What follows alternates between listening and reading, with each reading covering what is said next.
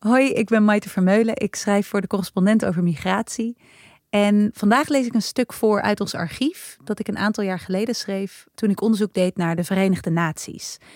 Het stuk gaat over de Veiligheidsraad van de VN en helaas is het nog steeds net zo relevant als toen ik het schreef. Laten we beginnen. 4 oktober 2011 had het keerpunt moeten zijn in de Syrische burgeroorlog. Het conflict was toen nog overzichtelijk. President Bashar al-Assad vocht nog maar een paar maanden tegen het Vrije Syrische leger. Er waren nog geen chemische wapens ingezet. Islamitische staat bestond nog niet. Miljoenen mensen waren nog niet de grenzen overgevlucht. Het keerpunt had moeten plaatsvinden in New York, in de Veiligheidsraad van de Verenigde Naties, het hoogste orgaan ter wereld dat belast is met vrede en veiligheid. Op die dag in oktober werd daar gestemd over een plan dat het geweld van de Syrische autoriteiten tegen haar burgers veroordeelde en de weg vrijmaakte voor verdere sancties tegen het regime. Kortom, er zou een deksel op de uitstaande oorlogsvlammen gezet worden. Maar 4 oktober 2011 werd geen keerpunt. De oorlog raasde voort. Het dodental liep op. Ook 4 februari 2012, 7.500 doden, werd geen keerpunt. Nog 19 juli 2012, 13.000 doden. Nog 22 mei 2014, 150.000 doden. Nog 10 april 2018, 511.000 doden. Nog 10 juli 2020, 585.000 doden. Op al deze data probeerde de internationale gemeenschap een vuist te maken om de oorlog in Syrië te beëindigen. En op al deze data stond één ding in de weg: het veto. In de Veiligheidsraad van de Verenigde Naties hebben vijf landen het vetorecht: de Verenigde Staten, Rusland, China, Frankrijk en het Verenigd Koninkrijk. Daarmee hebben deze landen de macht om elke internationale actie in conflictgebieden tegen te houden. Tijdens mijn interviews over de toekomst van de Verenigde Naties, als het ging over manieren waarop de VN slimmer, effectiever of sneller zouden kunnen ingrijpen in conflicten, had ik tientallen keren hetzelfde gesprekje. Dat ging ongeveer zo. Expert. Allemaal leuk en aardig, maar dat gaat toch nooit gebeuren. Ik. Waarom dan niet? Expert. Tja, het veto. Ik. Oh ja, het veto. In mijn zoektocht naar de toekomst van vredesmissies is het veto als een muur waar ik telkens tegenaan loop. En ik ben niet de eerste die op die muur knalt. Al zolang de Verenigde Naties bestaan, dit jaar 76 jaar, wordt er over het veto geklaagd. Het is om moedeloos van te worden. Maar moedeloos zuchten, daar heeft natuurlijk niemand iets aan. En dus besloot ik samen met onderzoeksassistent Lisa Peters eens serieus in het veto te duiken. Waarom is het er ooit gekomen? Hoe wordt het gebruikt? En zou het misschien ook anders kunnen? Onze conclusie? Het veto is inderdaad een muur, maar dan wel een specifieke. Het veto is als de Berlijnse muur van onze tijd. Het is nu misschien nauwelijks voor te stellen, maar ooit leek het veto een goede oplossing voor een probleem. Om dat te snappen gaan we terug naar het einde van de Eerste Wereldoorlog.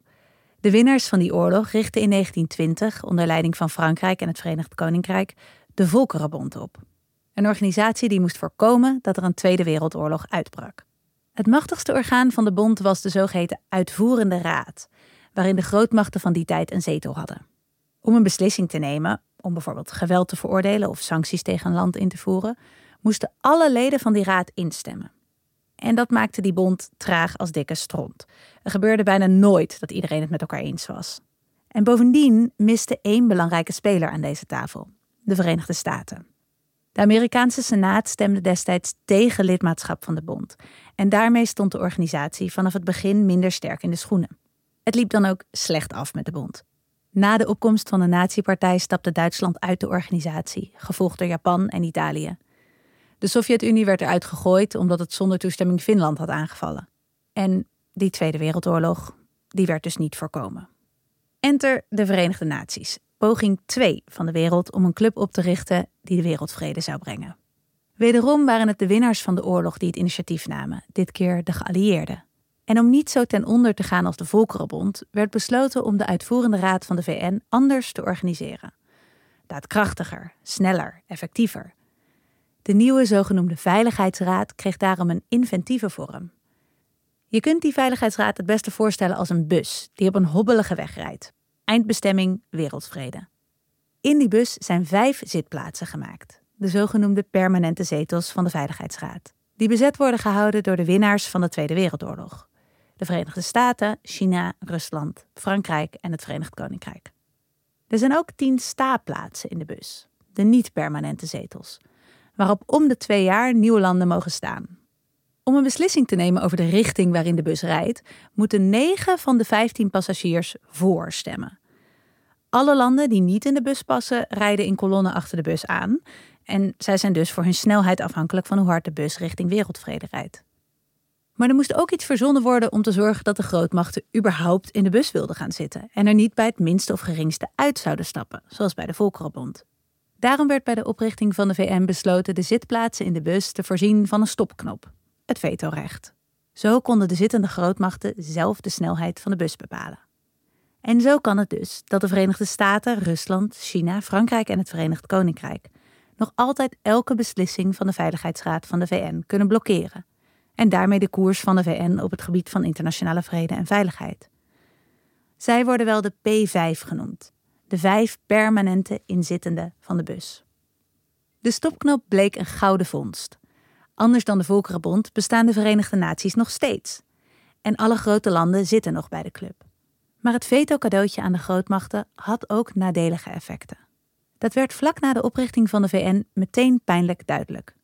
Om in de Koude Oorlog hun eigen invloedssfeer te beschermen en uit te breiden, bemoeiden de VS en de Sovjet-Unie zich met bijna elk conflict in de wereld.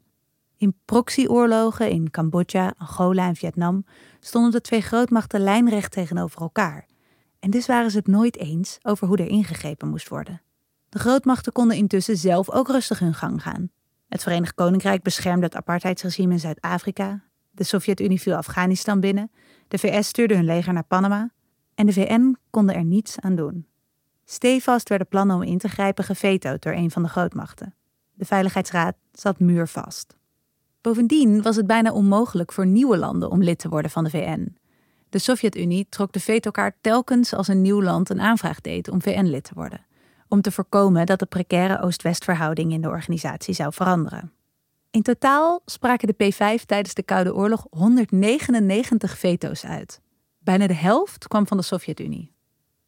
Het einde van de Koude Oorlog rond 1990 betekende het begin van een nieuw tijdperk in de Veiligheidsraad. Eindelijk zou het veto niet langer ingezet worden om de Oost-West-veten uit te vechten. Eindelijk zou de Veiligheidsraad zich gezamenlijk kunnen inzetten om conflicten te voorkomen en op te lossen. Zou je denken. Maar het afbreken van de Berlijnse muur betekent niet het neerhalen van het veto. De Verenigde Staten blijven bijvoorbeeld voorgestelde sancties tegen Israël blokkeren. De veroordeling van de annexatie van de Krim en Oekraïne werd herhaaldelijk door Rusland gestopt.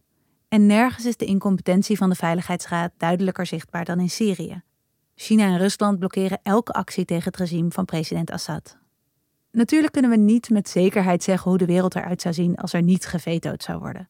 We weten niet of de oorlog in Syrië gestopt zou zijn als de VN al vroeg hadden ingegrepen. Maar wat we wel weten is dat er met ingrijpen van de VN vaak minder burgerdoden vallen. Dat vrede vaak langer stand houdt als de internationale gemeenschap ingrijpt. En dat het toekijken terwijl er zoveel slachtoffers vallen moreel onacceptabel is. Wat wel opvalt, is dat het veto een stuk minder vaak gebruikt is sinds de Koude Oorlog. Slechts 46 keer. Dat lijkt goed nieuws, maar zo eenvoudig is het niet. Vanwege het slechte imago dat aan het veto is gaan kleven, bloed aan de handen, proberen de P5 namelijk vooral gebruik te maken van de dreiging van een veto, een zogenoemd pocket veto. De vijf landen hoeven maar met de hand richting de stopknop te gaan, of een onderwerp komt niet eens op de agenda. En zo heeft het veto de wereld nog steeds in de houtgreep. Tijd om eventjes terug in de tijd te gaan, naar de vijfde eeuw voor Christus. Er waren nog geen Verenigde Naties, maar er werd al wel gevetood. Het vetorecht werd namelijk rond deze tijd bedacht, in de Romeinse Republiek. In dit rijk lag de hoogste macht bij de elitaire Senaat, een soort veiligheidsraad van de Romeinen. Het veto, dat Latijn is voor ik verbied, werd bedacht als een manier om de macht van de Senaat in te perken. De tribune, de vertegenwoordigers van het gewone volk, konden een veto uitspreken over de beslissingen van de senatoren. Luisterde een senator niet naar het veto van het volk, dan werd hij in de regel gelyncht door een woedende menigte. In zijn oorsprong is het veto dus een vorm van democratische controle. Een manier om de machtige Senaat ter verantwoording te roepen. Maar in de Veiligheidsraad hebben juist de machtigste landen, de P5, dus de senatoren zeg maar, het veto zelf in handen. In plaats van een democratisch middel is het veto dus een manier geworden voor de grootmachten om hun macht vast te houden, om de status quo in stand te houden. En hoe ouder de VN worden, hoe meer die status quo in de Veiligheidsraad gaat wringen met de werkelijkheid. Want zijn de P5 nog wel de grootmachten van de wereld anno 2021? Het antwoord is natuurlijk nee. De vijf landen die na de Tweede Wereldoorlog het veto kregen, zijn lang niet allemaal meer zo machtig in de 21ste eeuw. Ze hebben concurrentie gekregen van landen als Brazilië, India, Duitsland en Japan. Maar hoe moet de raad er anno nu dan wel uitzien?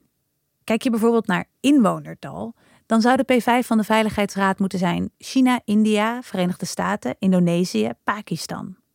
Kijk je naar economische macht, dan zou dit de P5 worden: China, Verenigde Staten, India, Japan, Duitsland. Of als je bijvoorbeeld kijkt wie het sterkste leger heeft, dan zou het zijn Verenigde Staten, China, India, Rusland, Verenigd Koninkrijk. En natuurlijk zijn er nog duizend en één manieren om tot een top 5 te komen. Je zou bijvoorbeeld ook kunnen kijken in welke regio's de meeste oorlogen plaatsvinden. Dan zouden Afrika en het Midden-Oosten bijvoorbeeld beter vertegenwoordigd moeten zijn. En wie zegt trouwens dat er een top 5 moet komen? De Veiligheidsraad zou ook uitgebreid kunnen worden met permanente of met niet-permanente leden, om zo meer landen invloed te geven. Eigenlijk heeft de wereld dus twee vragen op haar bord. Wie moet er in de VN-veiligheidsraad zitten en mogen zij wel of niet het veto? Om op die vragen antwoord te geven, heeft de VN al in 1993 een werkgroep in het leven geroepen. En die groep heeft zo'n beetje de langste VN-naam ooit. Hou je vast. The Open-Ended Working Group on the Question of Equitable Representation and Increase in the Membership of the Security Council and Other Matters Related to the Security Council. Maar goed, ondanks veelvuldig vergaderen heeft de werkgroep nog geen oplossing gevonden voor het probleem. En dat is ook niet zo gek.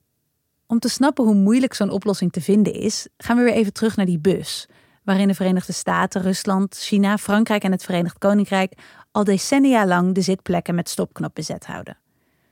Achter die bus rijdt dus een flinke file, de andere lidstaten van de VN. En in die file heerst grote onvrede. Iedereen is het erover eens dat het oneerlijk is dat er maar vijf landen in een bus mogen blijven zitten. En bovendien, er mag wel wat minder op de stopknop gedrukt worden. Men wil doorrijden. Het merendeel van de auto's heeft zich dan ook verenigd in de zogenaamde Accountability, Coherence and Transparency groep, de ACT-groep. Ze hebben een affiche gedrukt met een gedragscode voor stopknopgebruik. Zij stellen voor dat er een verbod komt op de stopknop wanneer er sprake is van grootschalige vreedheden. En bovendien moet de stopknopgebruiker uitleggen waarom hij eigenlijk drukt. Maar er zijn ook allerlei groepjes die meer willen. Ze zijn het zat om achter de bus te rijden. Alleen zij zijn het er totaal niet over eens wie van hen dan wel of ook in de bus zou mogen. India, Brazilië, Duitsland en Japan willen bijvoorbeeld ook een zitplek. En ze beloven in ruil daarvoor voorlopig niet op de stopknop te drukken.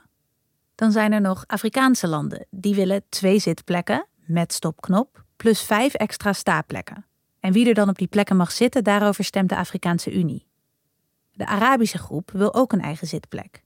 En dan is er nog de United for Consensus groep. Dat zijn jaloerse rivalen van India, Brazilië, Duitsland en Japan. Denk Italië, Argentinië, Pakistan, Zuid-Korea. En zij weten dat ze nooit zullen mogen zitten en vinden daarom dat iedereen moet staan. Zij proberen er eigenlijk voor te zorgen dat er geen oplossing gevonden wordt. Ondertussen zitten de P5 lekker en vinden het allemaal wel best. Ze laten de file gewoon kibbelen. Verdeel en heers, zo doen ze dat ook met de landen op de staatplaatsen in de bus, de niet-permanente leden.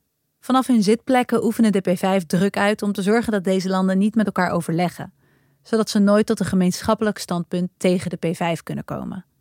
Af en toe doen de P5 wel eens een kleine handreiking naar de file. Frankrijk bijvoorbeeld spreekt steun uit voor het affiche van de ACT-groep. En het Verenigd Koninkrijk zegt dat er best wat Afrikaanse landen bij mogen zitten, als ze maar van de stopknop afblijven. Maar het wilt u zitten, ik kan staan bordje wordt door de P5 straal genegeerd. Geen van hen is bereid om op te staan voor een ander land.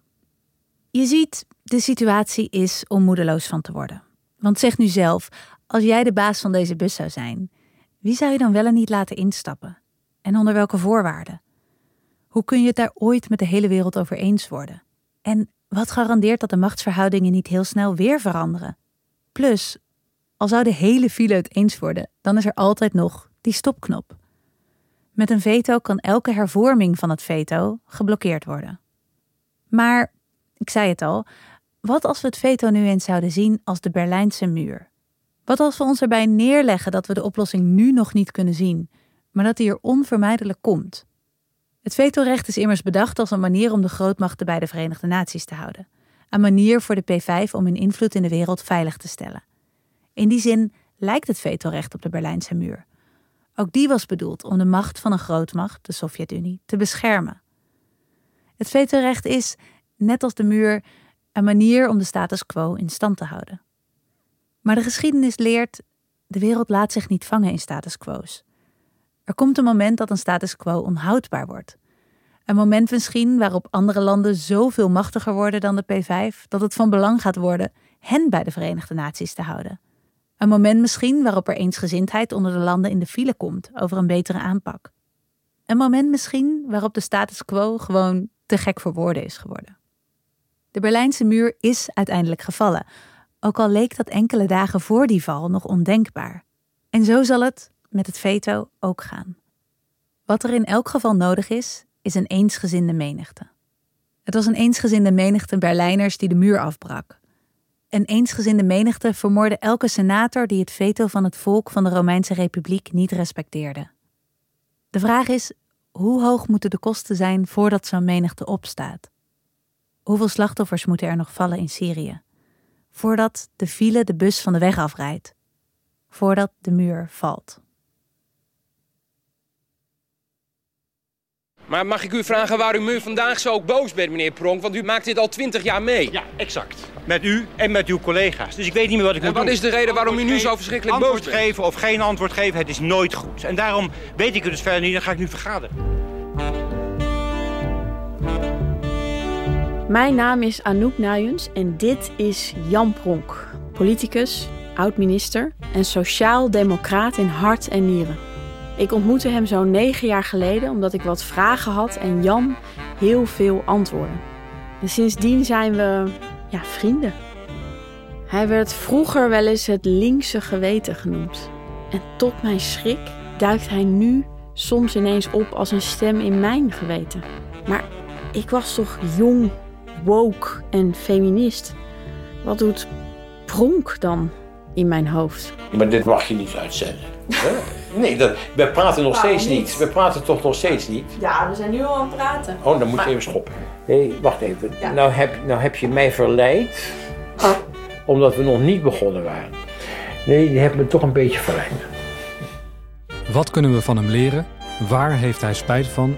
En waarom is de sociaaldemocratie zo uit de mode geraakt? De politieke stroming die massa's mensen op de been kreeg en het gevoel gaf dat we samen alles aankonden en de wereld echt beter zou worden. Waar is dat verhaal gebleven? Luister binnenkort bij de correspondent naar Pronk. Een nieuwe podcastserie van mij, Anouk Nuyens. En van mij, Jacob Brantel, over linkse luchtkastelen en een geheugen dat nooit faalt.